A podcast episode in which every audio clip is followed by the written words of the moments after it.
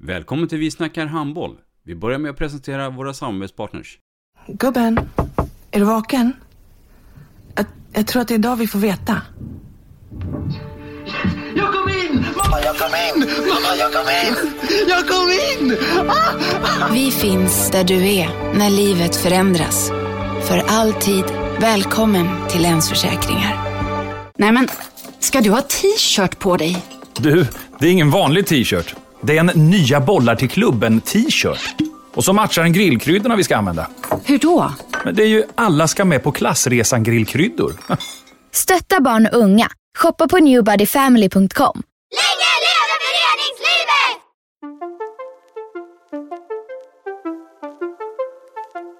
Välkommen säger vi till dig som lyssnar till den nya handbollspodden Vi snackar handboll med Robban Z och Matte.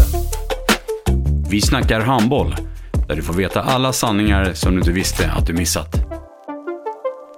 Vi snackar handboll. Idag i programmet Vi snackar handboll, Matte, så vill jag påstå att vi har ju två stycken gäster av världsklass. Håller du med om det? Absolut. Och vi har två stycken ledare. Och de leder handbollsmatcher genom att döma. Och det är för tillfället det högst rankade paret i Sverige och de ska alldeles strax be sig av att döma internationell handboll på ett Europamästerskap. Och eh, deras namn är Mirza Kurtagic och eh, Mattias Wettervik och vi önskar er varmt välkomna. Stort tack. Tack så mycket. Jaha Mirza och Mattias, vilka är ni? Låt oss höra.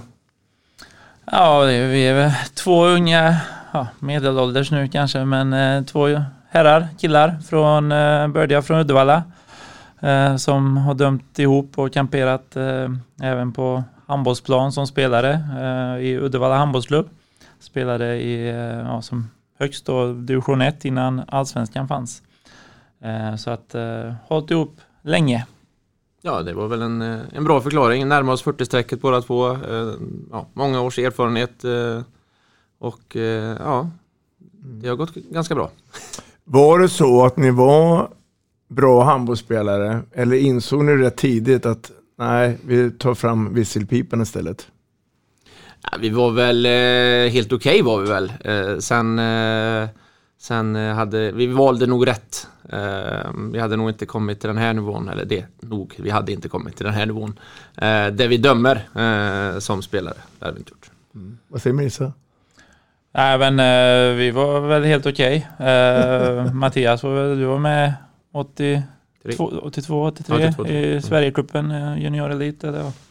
Så att nej men ja, vi var talangfulla men eh, dömde ju, och det är något som vi rekommenderar även till unga domare, att fortsätt spela så länge du kan. Mm. Eh, vi fick göra ett val när vi kom upp och skulle döma samma serie som vi spelade. Och då valde vi ett medvetet val att eh, vi har större chans att komma ut internationellt som domare än som spelare, tänkte vi då, eh, just på den ja, hur mycket tid man bör lägga ner på träning. Men eh, nu lägger vi ner väldigt mycket tid ändå mm. på dömningen. Så att, ja. Mm. Tror ni att ni hade varit domare om ni inte hade, alltså om ni inte hade funnit varandra i domarskapet? För jag förstår att ni dömt med varandra i stort sett hela tiden, eller? Vi började med olika partners eh, de första åren. Eh, sen så parades vi ihop eh, efter ganska kort tid. Eh, och eh, efter det har vi ja, ja, kört ihop då. Mm. Eh, så att, eh, men det var en bra kemi redan från början och, och eh, vi klättrade ganska så snabbt ett par steg och ja, fick, fick en tro på oss själva och fick eh, mycket feedback och det, det, det är vi evigt tacksamma för alla runt omkring oss i Bohuslän och eh, runt omkring Uddevalla eh, som har stöttat oss och hjälpt oss. För utan en bra feedback så, så är det svårt att ja, utvecklas. Så att, och det är många duktiga eh, handbolls eller domarutbildare och före detta domare eller nuvarande och fortfarande domare kring eh, i Bohuslän Dal. Mm. Ja och ledare också, alltså Ingmar Eriksson och ja, Per Johansson och ja, Pers pappa och så vidare. Så det är ju många som har, handbollen var ju väldigt mycket, eller Uddevalla var väldigt mycket handboll. Mm. Eh, så också nu men inte så som det var förr. Så att man fick ju en väldigt bra grund mm. eh, att stå på. Mm. både jag och Matte är ju tränare och vi har haft en massa spelare. och eh, då blir man någon form av mentor till de här spelarna. Vilka hade ni som mentorer på er tid när ni var ny, nya i gamet? Vem tog hand om er? Nej men det är ju som Mattias sa, vi har ju haft eh, väldigt många runt om i Uddevalla. Vi har haft eh, ja, eh, Diddy som inte längre är med oss. Mm. vi har haft eh, Kälsa, Kiki, Maria, eh, ja, Pers eh, pappar och ehm, ja, alltså många. Sen även i Göteborg när vi började komma ut i distriktet och eh, region. så väldigt många gamla domare som tog, oss, tog sig an oss när vi var på turneringar mm. och så här som sa till oss hur, hur, vi skulle ha håret och hur vi skulle ha visselpipan och alltså stil och profil. Det var ju väldigt mycket så här.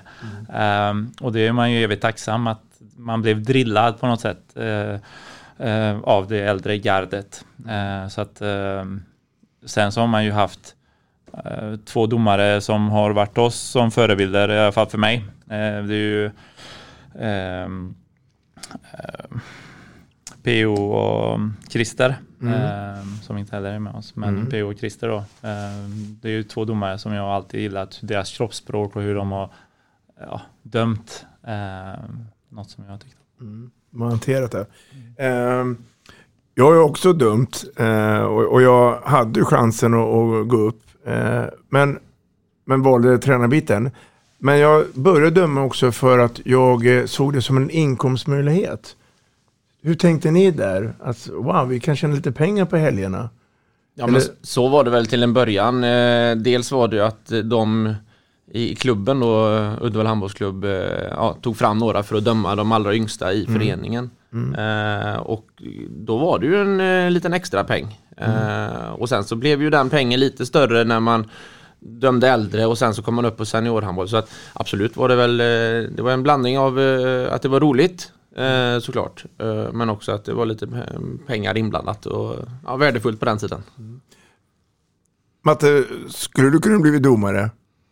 Jag gick faktiskt eh, på den tiden som jag var ung och liten kille eh, så var det ju så att det är väl likadant idag också att föreningarna eh, får ju, ska ju ombesörja sitt eget domarskap vad det gäller ungdomsmatcher och sådana saker och ska ha en antal föreningsdomare. Och jag var föreningsdomare en gång i tiden. Men jag var fullt beslutsam i att jag skulle ha en egen elitkarriär i handboll. Mm.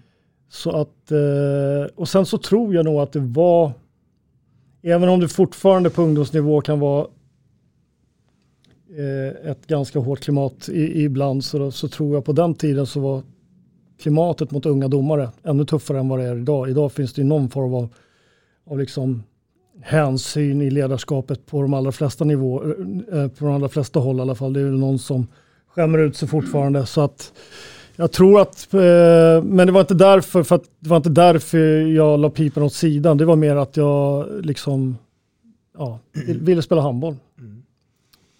Det eh. finns ju rätt många domare eh, ute på handbollskartan som tror sig är domare, men inte är domare.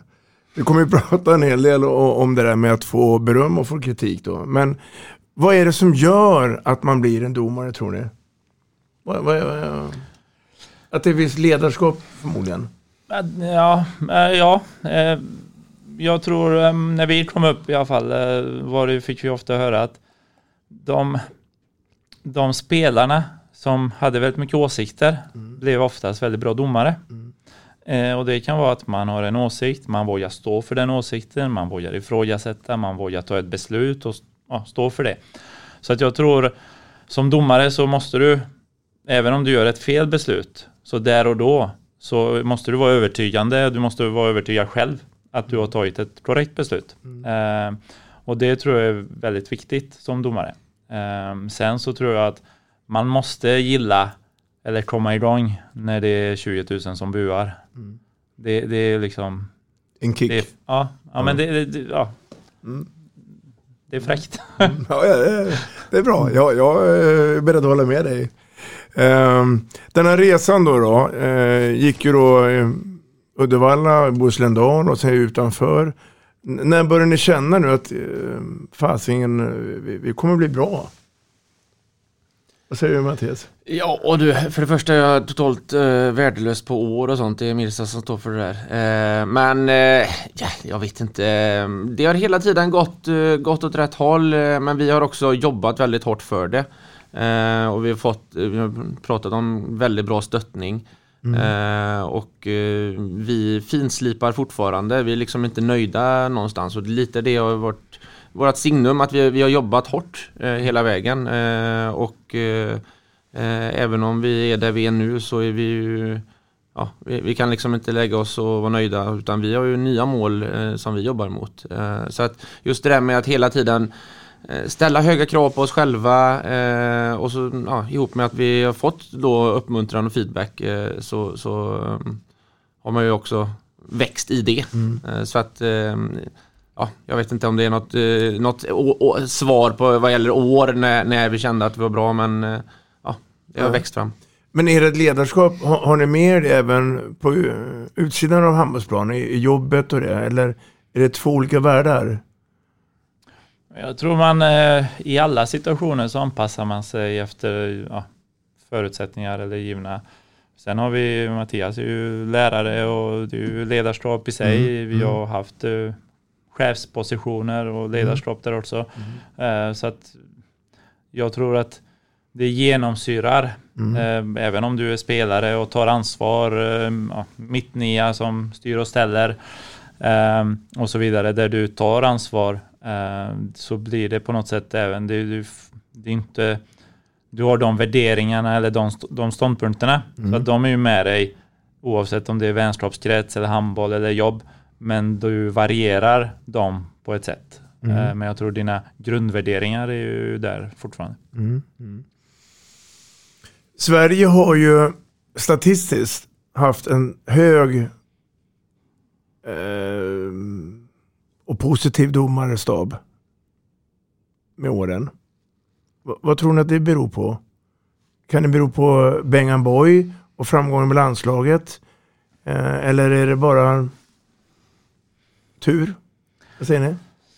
Eh, alltså man kan ju rent eh, domare man har ju varit med, vi har haft Acke som varit med i Soul, mm. vi har haft eh, domare eh, på de tidiga OSen, så jag mm. tror Sverige hade OS-representanter fram till eh, efter Beijing, eh, efter Kronbro Claesson var där. Sen så, så hade vi inga domare i London eh, och nu var vi i, i Tokyo. Senaste. Eh, men jag tror mm. två OS kanske att vi missade. Men i övrigt så har man haft en väldigt bra tradition och även Sverige är ju som, som nation, ligger du framkant som på spelarnivån och landslag så får du ju med dig väldigt mycket. Alltså, vi utbildar ju spelarna, spelarna utbildar oss. Mm. Så är man en framgångsrik nation så blir det ju ge och ta eh, i utbildningssyfte. Så att, eh, så att det, det, har man ju byggt upp eh, just genom åren, skulle mm. jag säga. Mm.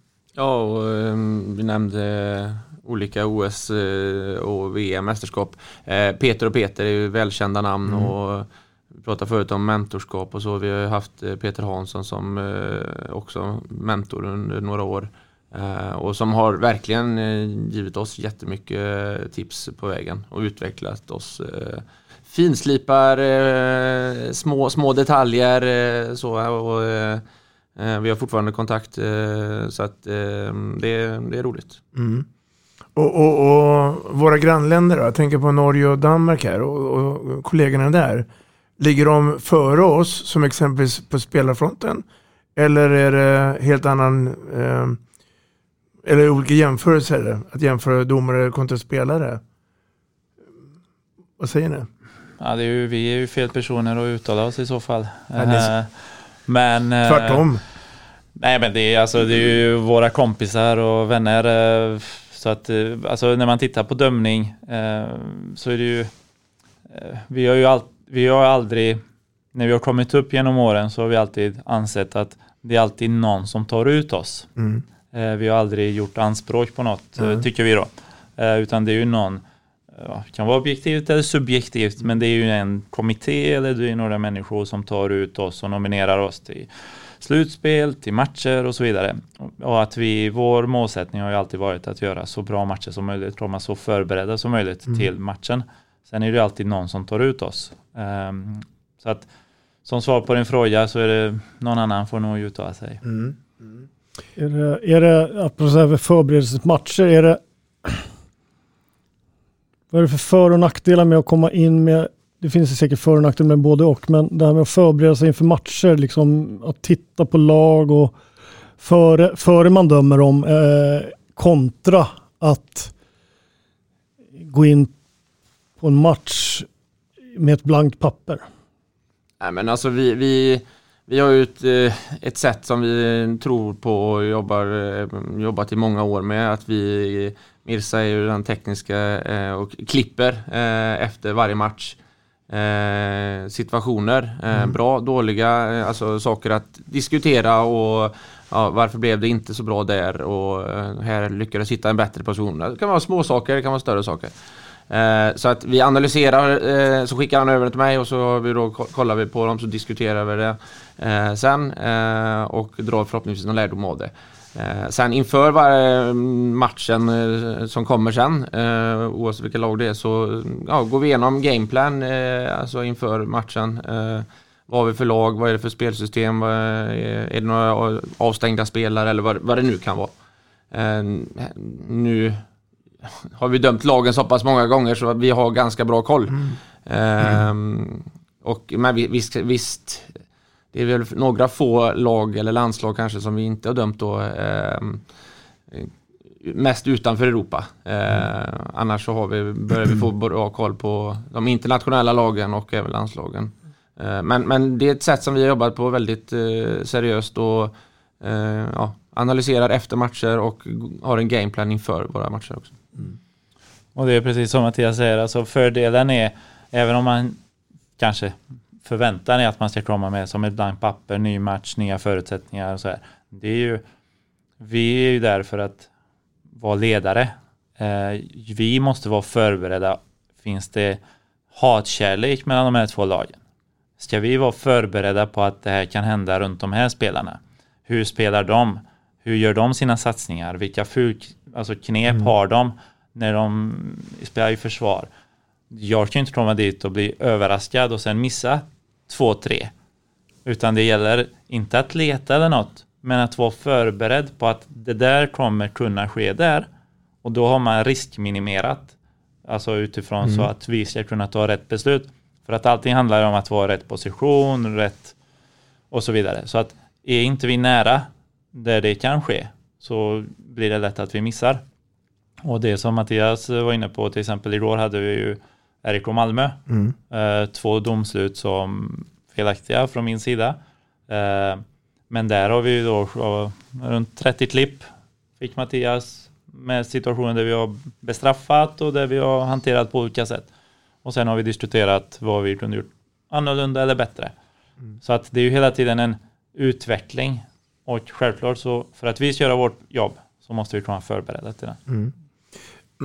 Eh, Matte, vi, vi, har ju pratat du och jag förut om, om spelare som är besvikna på eh, saker. Man har gjort eh, kanske ett övertramp eller man har skjutit ett dåligt skott där. Man lägger fokusen på det som har varit mindre bra. Eh, när jag hör Mirza och, och Mattias att de, när de gör sin analys så tittar de kanske då på saker som eh, är mindre bra. Jag skulle vilja vända på det för att ni gör ju förmodligen satans massa bra saker under en match också. Men det är oftast det här, de här detaljerna som man får höra mest. Jag vet inte om du håller med där Matte? Jo men alltså så är det väl. Det, det finns väl all, alltså tyvärr så det, har det väl varit his, historiskt men jag uppfattar det som att det kanske är något bättre i, i dagens samhälle så är det väl så. Det finns ju aldrig de, det finns ju aldrig de som, alltså spelarna gör ju fler misstag per match än vad domarna gör. Mm. Eh, och eh, domarna får mer ja, historiskt eller fortfarande kanske, blir, varje gång domaren gör något, ett misstag så ska det liksom tjabblas om det. Eh, oavsett när det är och var det står i matchen och sådana saker. Så att jag kan tycka att det till viss del är är orättvist att de hela tiden ska få höra varje gång de gör ett misstag. Men spelarna kan göra hur många misstag som helst utan att liksom, det händer någonting.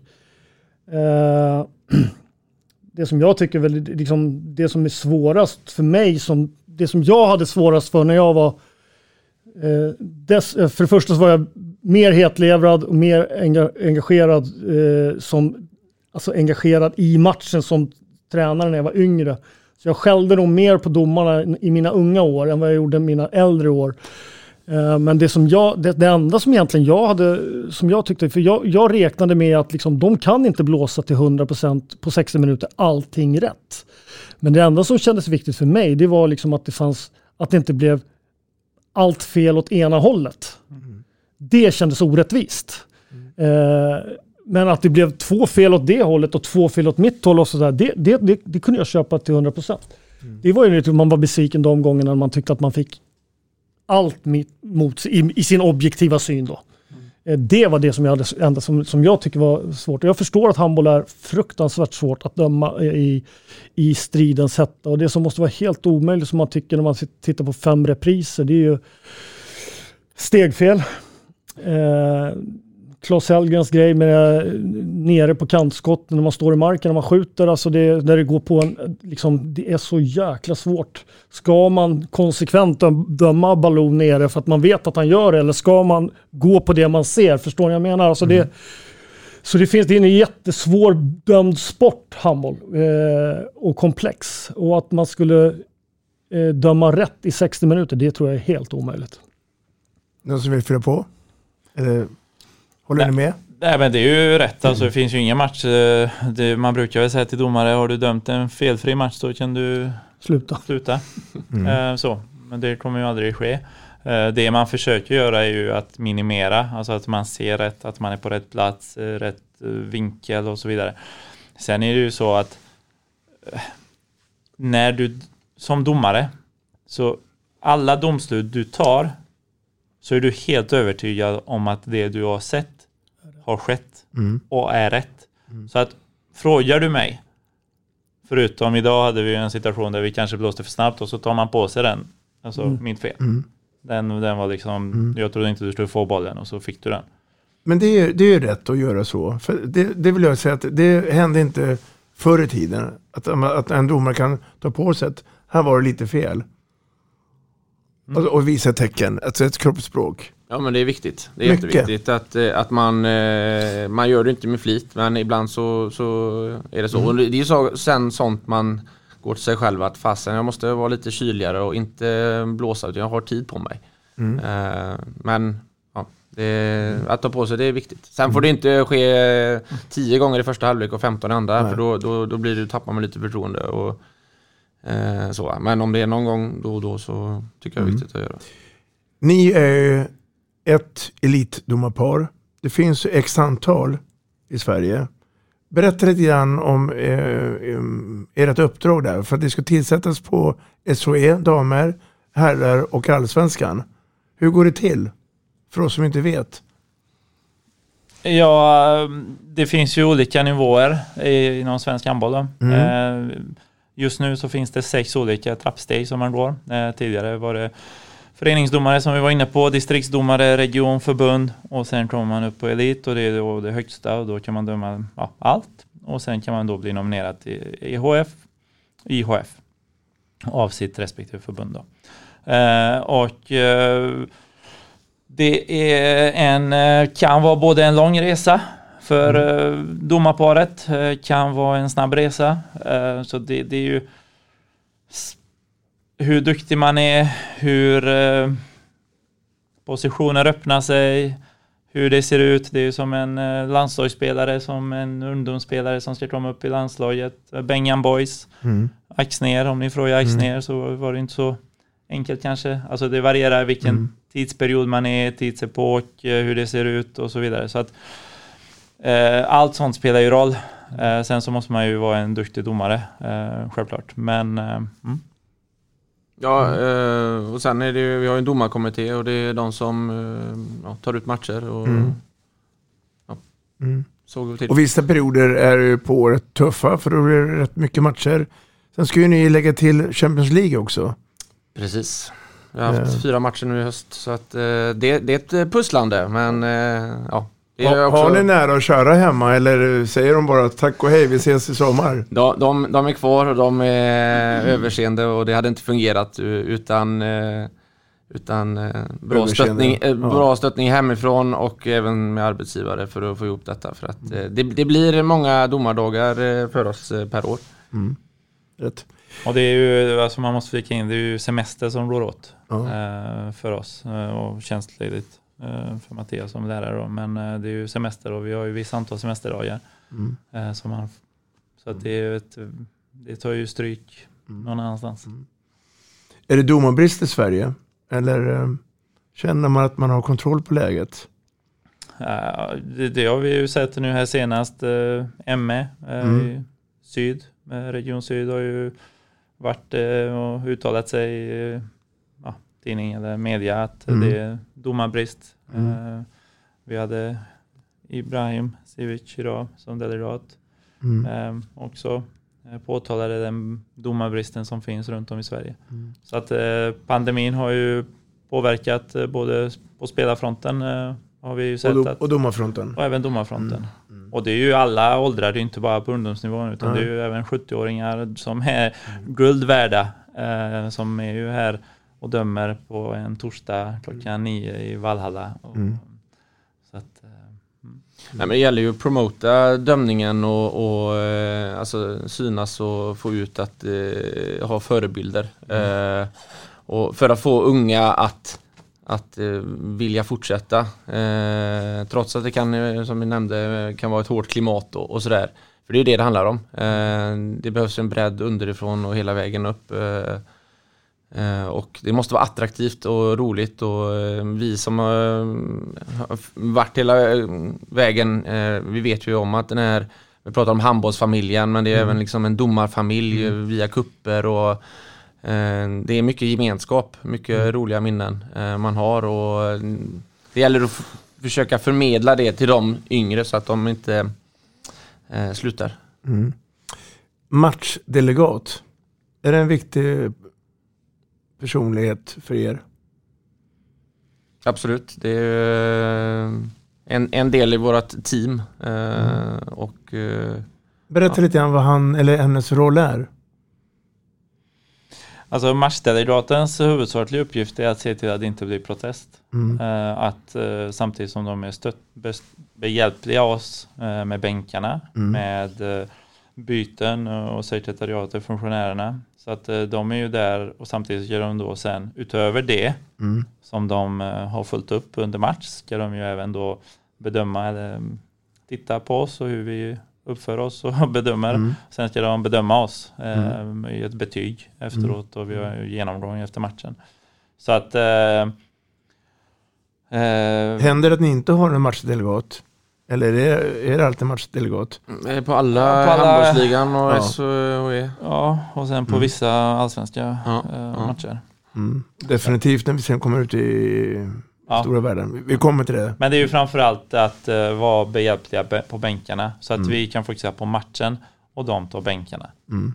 Så att, eh, att när en delegat varnar en ledare så är det oftast för att det ligger mer eller mindre i deras uppdrag. Ja. Såvida inte det direkt mot oss, Ja, ja. då blir det direkt varning. Då vänta inte, det- då kommer inte delegaten, om jag och du står en meter ifrån varandra Ja. så kommer inte delegaten och, Ja. och säger han ska ha varning. Nej. Hörni, jag tror att eh, ni ska få en liten hälsning här. Eh, så ska vi se om vi kan klura ut den. Hej! Era ki- ni killar som har det svåraste jobbet i hela världen. Jag kan inte tänka mig att det är tuffare att vara domare i handboll än i ingen annan idrott är lika tuff. Jag har några frågor dock som är intressanta, som verkligen har berört mig under massor med år. Eh, det första är liksom, hur ska vi göra med, med de här som systematiskt är nere från kanten och från linjen? Och det andra är, hur ska vi se på de två olika zonerna som jag brukar kalla för MMA-zonen, det vill säga två år, tre år och de zonerna som vi kallar fredszonen, i alla fall jag, utanför tvåan, där det alltid blir två chanser. Hur ser ni på det? Och vad skulle vi kunna göra för att, för att uh, bli lite klarare och tydligare? Eller är det rent av väldigt tydligt hur det är?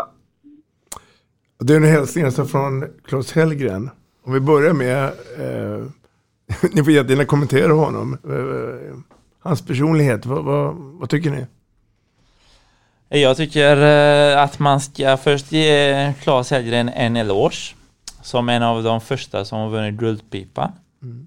Och tilldelad domarkåren. Mm. Uh, vi har ju ett sånt uh, Instagramkonto där vi försöker promota domare mm. och uh, från alla nivåer just för att attrahera fler domare till vår fantastiska sport. Så att, och då och jag tar ju själv på mig den här uppgiften att alla guldpip, guld, ja, som har fått Guldpipan mm. och där upptäckte jag att Claes Hellgren hade varit. Så att jag har haft lite kontakt med honom, så det ska han ha. Mm. Sen alla nere Um, ja, han har väl eh, att man ska kunna ha rörelsedetektorer på marken när man landar och ska lysa och så här. Ehm, alltså, ja, de är nere men eh, det är ju jättesvårt att se eh, som domare när det går så snabbt. Ehm, när vi är övertygade 100 för att du tar bort en klar målchans när det sker. Så du måste vara helt övertygad och det såg vi ja, mitt domslut igår exempelvis som mm. var felaktigt Malmö, RIK Malmö. Så att du måste vara helt övertygad eh, om att det är så.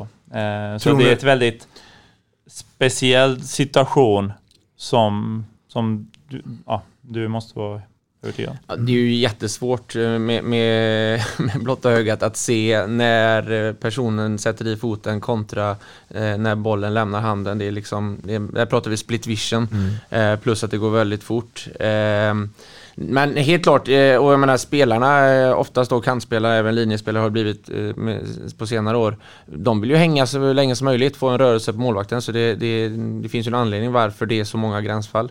Sen tycker jag ibland att, att eh, när man ser själv en match och oh, min första känsla, jag kan sitta hemma och titta på matchen eh, och, och, och se att ja, men han var nere. Och så ser man den första reprisen som går ganska så snabbt, så säger jag ja, nej, men han är nere. Men sen när man tar det i slow motion på mm. nästa repris, nej då var han inte nere. Så det är mm. verkligen, eh, det kan luras lite med, med eh, i live framförallt. Eh, så, och det, det, visar väl också hur svårt det är för oss att, att uh, kunna ta, ta ett sånt uh, beslut. Uh, högst utmanande. Mm.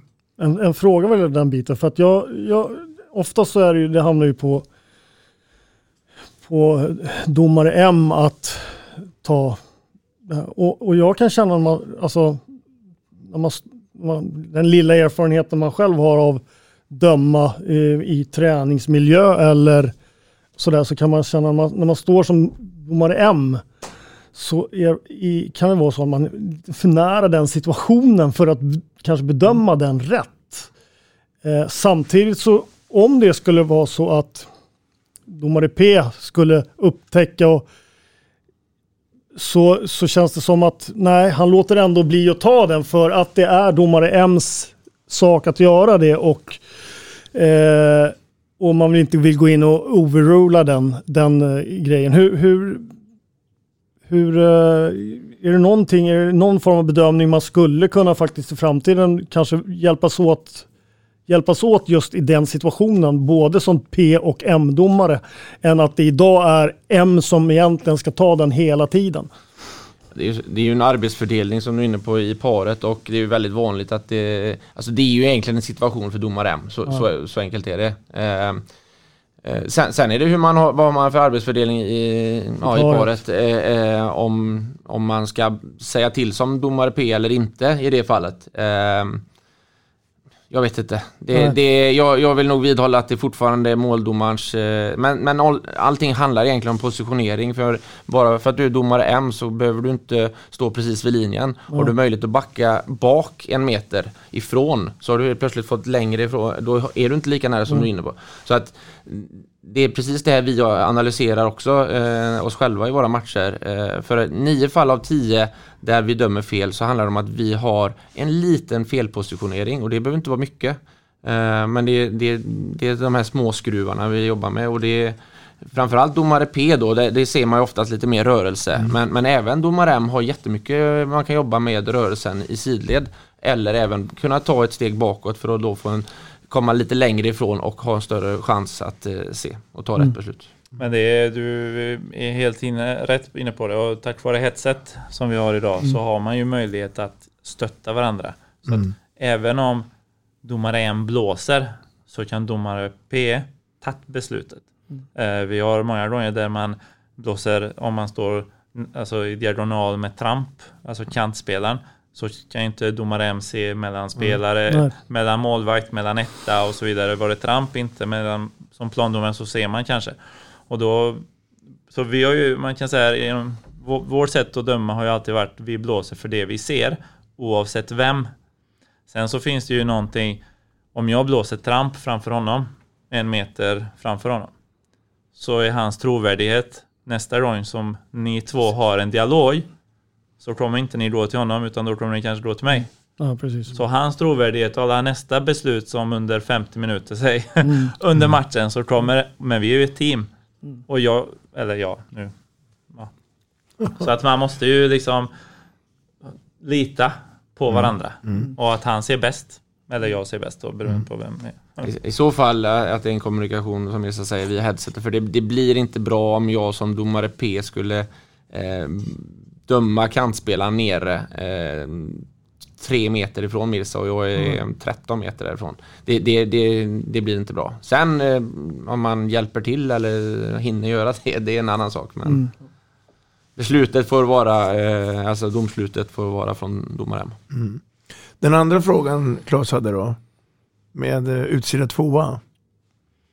Hur tänker vi här då? Ja, det har väl, jag tror genom åren så har det alltid varit en diskussion eh, internationellt, utsida två här hemma, utsida två. Eh, vi vi kan bara prata för oss. Eh, just det här med uppladdning eller hur vi kommer till match. Eh, vi har samma uppvärmning eh, som vi när vi med VM eller nu EM, Mm. OS eller om jag skulle döma i, här hemma en juniormatch eller ja, som nu ikväll dömde i Varberg. Så vi har samma uppvärmning, vi har samma Mm. förberedelser, vi har samma rutiner. eh, Alltså det är ju någonting, ja, shortfullhet eller inte, men det är något som hjälper oss att komma i rätt mode. Så att vi försöker döma efter en regelbok. Mm. Sen så kanske blir ju så att, och det vet ni bättre, eller ja, lika bra som vi, att spelarna, situationerna blir ju lite annorlunda. Det är större luckor, bättre försvarare, bättre anfallare, så de kan se lite annorlunda ut. Så att rent generellt så tror jag att man har kommit bort ifrån det här med dubbel dubbel eh, chans, Mm. både på mittsex och på utsida två. Mm. Eh, att eh, när du har tagit läget så har du fått läget. Och även så vi, vi ser ju en jättetrend, det är ju inga varningar nu mer. Det är väldigt få, en till två Mm. varningar per match på spelarna. Så att, men vi ser inte en ökning i utvisningar. Eh, Så att det, det, liksom, man jobbar väldigt mycket med kroppsspråk och andra sätt som domare i dagsläget. Mm. Eh, Som gör att handbollen, det blir mer fart, Mm. mer spel. Mm. Jag tror att eh, Claes blir nöjd med de svaren. Det tror jag, absolut. Faktiskt. Hörni, ehm, du var inne på det Melissa också, just det här med förberedelserna. Och eh, jag tänkte vi skulle prata nu en hel del internationellt. Det första mästerskapet ni gjorde kontra nu det vi ska göra nu i januari. Om vi tar några skillnader. Berätta lite grann eh, skillnader med då och nu. Och då pratar jag eh, alla förberedelser och alla eh, händelser under mästerskapen. Kul att få höra lite grann. Eh, ni har ju haft väldigt många gäster som, har, som är ledare Mm. eh, i svensk handboll, eh, som, har, som är spelare på lands, eller Mm. är, eller kommer vara Mm. eh, på landslagsnivå. Jag tror vi domare gör ungefär likadan resa. Eh, man eh, ja, går här hemma då, Sverigecupen, juniorelitcupen, eh, JSM och så vidare. Man blir uttagen, man blir nominerad. När man kommer internationellt så är det ju eh, det kan vara man börjar med turneringar som Partille eller cupen i Prag, Mm. Granollers. Mm. Eh, sen så kommer man in i det när man har fått badgen, då, är man junior eller U16, U18, U20, EM, VM och så vidare. Så att du har den här trappan där du lär dig hur mästerskap fungerar, hur, vad man ska tänka på, hur klarar man av att bo på ett hotell i tre veckor och motgångar, medgångar. Idag dömer du en match som inte gick så bra, imorgon ska du döma igen klockan 12. Hur förbereder du dig, släpper den? Hur klarar du varandra? Alltså vi bor i samma rum i tre veckor, hur står vi ut med varandra? Alltså det, det är ju det man lär sig. Mm. Så att men idag så blir det ju, det är ju fortfarande nya saker hela tiden. Mm. Eh, nytt, OS är ju helt nytt. Hur är det? VM blir nytt. Eh, Final Four är också ett nytt. Men Mm. alla de här sakerna på vägen, hur man ska anpassa sig till varandra, är De är ju de guld värda. Ja. Ja, det här är ju, blir ju vårt sjätte, om jag räknar rätt, eh, mästerskap på, på seniorsidan. Eh, och eh, alltså, om du jämför med våra första så är det ju framförallt det Mirza är inne på lite med att vi har skaffat en erfarenhet. Mm. Eh, erfarenhet från mästerskap. Det är väldigt små, små detaljer, små domslut. Det gäller att verkligen formtoppa sig i ett mästerskap. För eh, du har inte råd att göra några misstag eh, om du vill slåss om och gå långt i ett mästerskap. Nej. Precis som lagen. De Mm. kan inte heller göra dåliga matcher och tro att de ska ta hem allting till exempel. Eh, så att det är mycket erfarenhet eh, men också som vi varit inne på man har lärt känna lagen. Eh, lagen vet vilka vi är eh, och man har en relation och vi har lite bättre kunskaper om lagen. Eh, många av de lagen som, som är med nu har vi dömt tidigare. Eh, så. Eh, men framförallt är det ja, erfarenhet också kring hur, hur det går till eh, dagar liksom eh, man, man går igenom gårdagens matcher, eh, vi får liksom lite nya direkt, inte direktiv men okej, det här måste vi förbättra. Eh, så. så att det är mycket genomgång, det är mycket intryck. Eh, det är verkligen intensiva dagar, det är liksom inte bara då vi dömer. Är det själva tester matchen. också? Alltså, Ja, inför, inför, inför innan vi har några fördagar och då är det både test, alltså prov, regelprov och löptester. Mm. Mm. Du var inne på lite grann om ranking tidigare, pratade du om. Ja, men jag vet att hur, hur det funkar nu eh, de sista eh, åren, men eh, om jag, stämmer är det rätt om det finns, i Sverige finns det en ranking, det finns både rankade herrdomare och rankade damdomare? Stämmer det? Det finns eller? rankade elitdomare och rankade förbundsdomare. Okej, Så elitdomare kan ju dam och herr vara. okej. Fotbollen har ju en skillnad där mellan ja, eh, herrdomare och damdomare. Mm. Och nu väntar ett mästerskap igen. Och vi pratar två olika länder. Hur vanligt är det att man får flaxa mellan där eh, som domare? Att eh, ena dagen är man Slovakien och andra dagen är man Ungern? Eller funkar det så? Eller är det mer att eh, man ser, okej, eh, man dömer ena gruppen i Slovakien och sen kanske man dömer andra gruppen i Ungern? Sist EM var det ju fördelat på tre, då var det Sverige, Norge, Österrike. Ja. Eh, nu, nu var vi stationerade i Wien eh, väldigt eh, länge. Mm. Vi, hade, vi gästspelade i, vilken stad var det? det var i, Graz. Graz, en, ja vi hade Kroatien, Serbien där. Ja. men så vi åkte dit för en match. Och sen så avslutade vi finalhelgen i, i Sverige då. Eh, så att det, så kan det bli. Eh, att, eh, Mm. Och då är det snabba puckar? det är mycket snabba puckar. Vi Ja. vet ju till exempel inte nu vart vi ska, vilken gru grupp vi ska inleda i utan det får vi reda på under de här fördagarna inför. Mm. Så ungefär dagen innan får vi reda på var- vart vi ska resa dagen efter då. Eh, Och, sen- det beror på att inte lagen ska kunna mm, ja, få nytta av det eller är det så att man, man väntar tills man kommer ner och så gör man fördelningen då eller? Ja, det... Jag tänker- Ja, nej, men jag tror... Alltså, ja, det är ju mer... kan ju vara logistiskt, kan vara... Kan vara skador, kan vara allting. Så jag tror när man har alla på plats så vill man fördela. Ja, ni kommer vara där, ni kommer vara där. Sen under turneringens gång, beroende på hur det fungerar eh, med lagen, för domarna, alltså hur bra du har dömt och så vidare. Alltså hur, och sen självklart vilka lag kross, alltså korsar med varandra, grupper och så vidare. Så att allting sånt, man måste ju man kan ju inte ta ut domare till slutspel eh, och sen fastna i att oj, de kan ju inte döma för att deras länder gick vidare. Mm. Och så sitter man där med domare som inte kan döma. alltså Mm. så, här. så det är ju väldigt mycket så här logistik. Mm. Eh, så att det kan ju, vi hade ju domarkollegor som vi möttes i Wien och sen så åkte de till Trondheim och var där och sen åkte de till Malmö och dömde där och sen Alltså så här. Så att eh, ja, Mm. tillgänglighet, både domare, lag, alltså gruppen och helheten. Eh, Säger vi som inte tar ut domare, men eh, som vi tror går till. Ja. Jag har en ganska spännande fråga tror jag. Och det är till vad ni tror. Eh, eh, hade ni haft liksom internationellt haft högre status i, i internationella turneringar om ni till exempel hade varit eh, från ett annat land? Om ni har dömt, om man säger så här, betyd, alltså man, man säger, dömer man varje vecka i till exempel Bundesliga kontra döma i svenska eh, handbollsligan.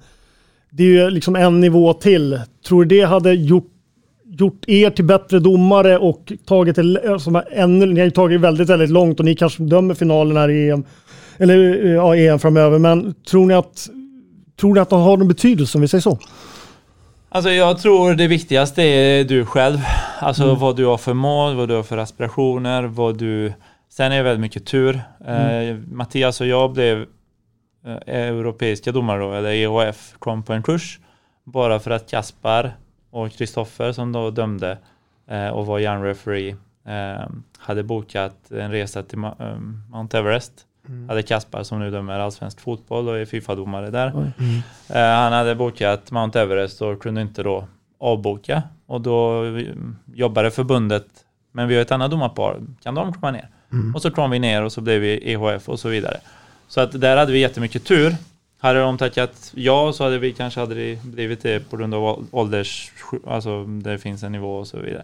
Så att det är väldigt mycket tur och väldigt mycket, men jag tror det är upp till dig. Sen så är det självklart att ju ska man säga, nationen är mer framgångsrik, det vill säga spelar bättre handboll, desto mer blir vi, vi lär oss också som vi var inne på. Så att även om våra unga lovande spelare flyttar utomlands i en ung ålder så har de ju ändå, det spelar egentligen ingen roll vilken ålder, att de flyttar utomlands och får plats i Kiel eller Elverum eller någonstans och spelar Champions League betyder att de platsar till den nivån. Mm. Så egentligen åldern spelar ingen roll utan de är mogna som spelare för att spela den. Mm. Och då är, har vi ju haft dem här hemma och dömt dem.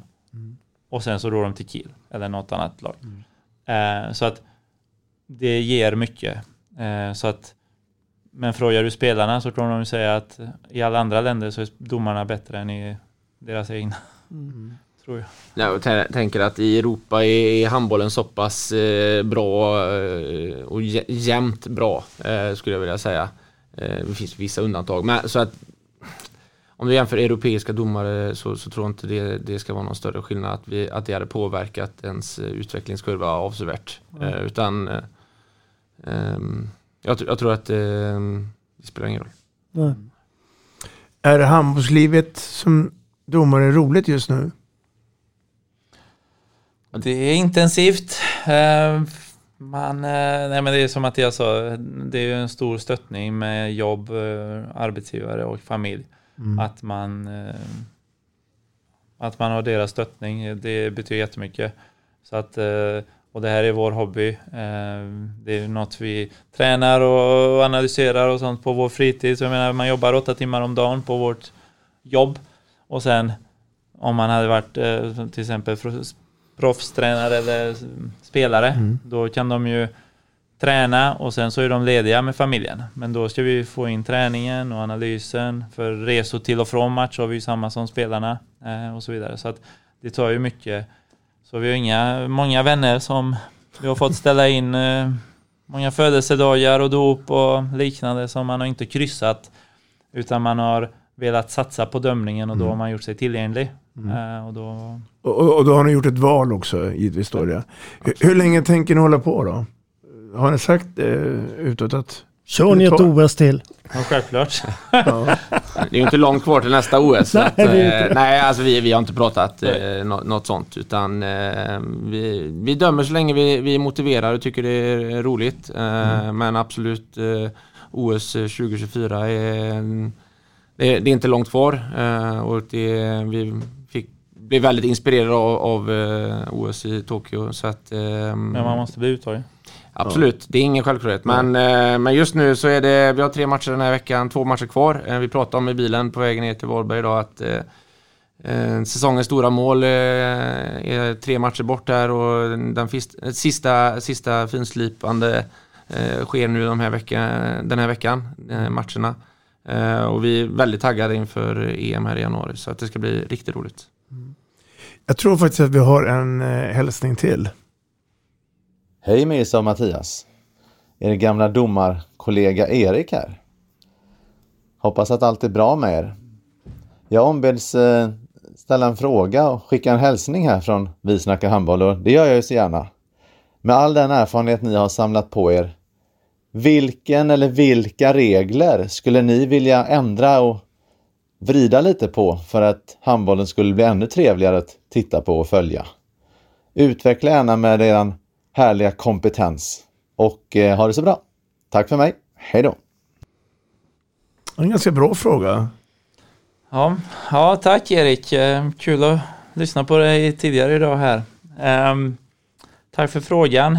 Eh, Alltså, när man eh, tittar lite, jag fick möjligheten att vara här i, på ett eh, ja, tränarseminarium eller möte som IHF anordnar med toppcoacher, ja, var olika landslagstränare och så vidare. Och så var det tre, fyra domarpar, eller domar eh, med. Och just att få olika synvinklar, att hur ser spelarna eller tränarna på det, hur ser vi domare på det? Eh, för vi vill ju gagna sporten, det ska vara attraktivt, eh, vi vill ja, vi ser ju att sporter kan tas bort från OS och så vidare, att vara med ja, och få attrahera sponsorer och tv-tittare och allting och göra den attraktiv som den redan är.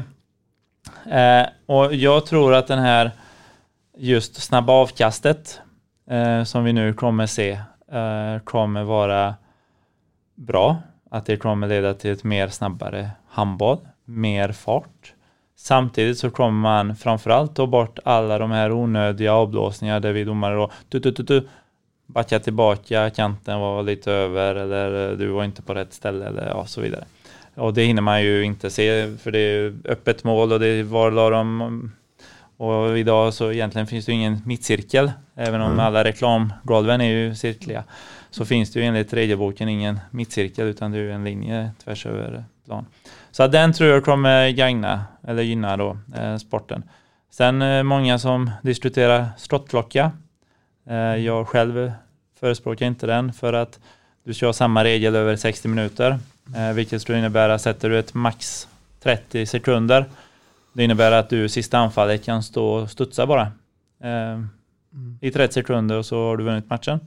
Eh, jag tror att en balans mellan, säg nu fyra, fyra pass eh, som man nu kommer införa från 6 till 4 eh, tillsammans med en max på ett, ett, eh, ett anfall.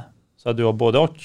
Det hade kanske varit eh, intressant. Men då ska det här även ner på alla nivåer genom seriesystemet och du måste ha folk som då har hand om slottklocka och så vidare. Och har vi brist redan som det är idag så det är mycket mer annat som kanske blir svårare. Men jag tror en balans mellan de två, säg 30 sekunder max ett anfall plus dagens regel att du kan vända efter fem sekunder om de inte tar läget.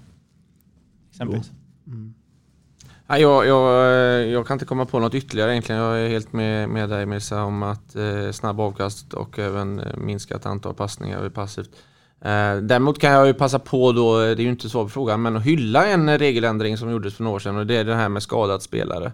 Eh, vart en eh, riktig succé tycker jag. Eh, för det var ju förr i alla fall då eh, trötta spelare som låg kvar och kände av någonting och så blev det inget, eh, blev det stopp och så blev det ja, inget flyt i spelet. Så att den regeln har verkligen varit lyckad eh, för våran sport. Och man kan säga att vi hade idag eh, match Varberg-Vinslöv. Första halvlek. Eh, vad hade vi? Fem utvisningar. Mm. Fem utvisningar, en timeout. Mm. Och halvleken spelades på 34 minuter. Det är rätt bra.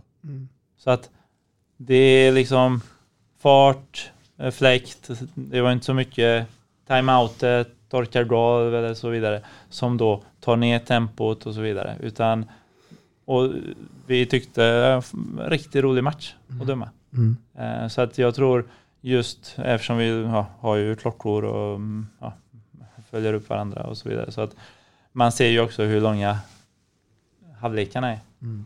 Eh, och det kan gå undan. Eh, men då gäller det även efter timeouterna. Vi, står, vi har en vana att stå bredvid. eh, Så efter 50 sekunder när sekretariatet blåser så vill vi få ut lagen. Då är timeouten slut. Så nästa avblåsning en minut. Då ska matchen börja. För en timeout kan ju ibland gå över 1.30, två minuter. Alla ska ha timeout, sen ska de dricka vatten, ta klister och så vidare. Så det är de här små nyanserna eh, som man kanske, sen större regel, eh, ja, nere, ja, kanske. Ja, Jag har en regel som jag tror skulle, som jag skulle vilja se i handbollen. Och det, är- jag, eh, jag kan väl säga så här, kanske, jag är för att man får ta ut målvakten vid och spela 7 mot 6. Jag är mer tveksam till att man ska få ta ut målvakten när man är reducerad på banan. Jag skulle hellre vilja se att man, man får en bestraffning av att få en utvisning och så tar man ut målvakten så spelar man i alla fall 6 mot 6 i anfallet. Jag tycker det är Eh, det tar bort lite av den bestraffningen som är. Så att jag tyck, och sen tycker jag om bägge lagen har en utvisare, men då får vi två anfall i rad som är sex mot fem för att man tar ut målvakten åt andra, håll, åt, åt andra hållet. Så jag tycker att när man har fått en tvåminutare, en utvisning, då ska man inte få ta ut målvakten. Men Det är ju väldigt mycket, ja, det har varit ett intressant diskussion kring just den regeln, även om själva regel har varit gammal med Mm. väst då, eh, Mm. har man ju kunnat göra ungefär samma sak. Eh, Det som jag tror, min personliga åsikt, hade varit att man kanske precis som man har en man skadad spelare så har man tre anfall som man får sitta. Då kanske man ska ha en regel att tre missade öppna skott så får du inte skjuta mer eller du får inte ha mer. Nej. Alltså så här. Ja. Då har du någonstans en risk och då kommer tränare och spelare träna ännu mer på att just träffa målet och så vidare. Ehm, så att jag tror på något sätt att man får kanske begränsa. Ehm, men sen så är det ett, ett infallsvinkel som att ett, låt oss säga ett sämre lag kan slå ett bättre lag Ja. på pappret. Melissa och eh, Mattias, tiden är eh, ute. Lycka till nu i alla era uppdrag. Eh, det har varit en ära att ha er här i Vi snackar handboll. Ja, det tycker jag med. Det var jättekul. Ja, tack så hemskt mycket för att vi fick vara del av detta. En stor ära att bli tillfrågade och stort tack för att ni har även med domar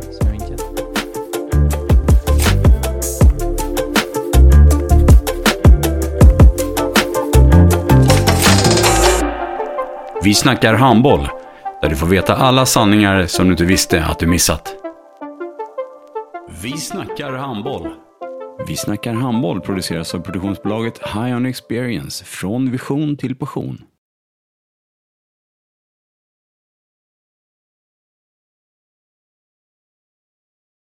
Ett avslutande tack till våra samarbetspartners. Hallå! Kommer ni eller? Ja, ja.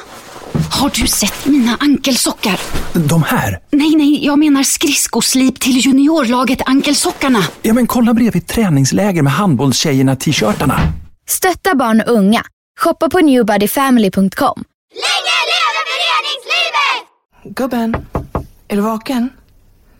Jag, jag tror att det är idag vi får veta. Mamma, jag kom in! Mamma, jag kom in! Jag kom in! Ah! Vi finns där du är när livet förändras. För alltid välkommen till Länsförsäkringar.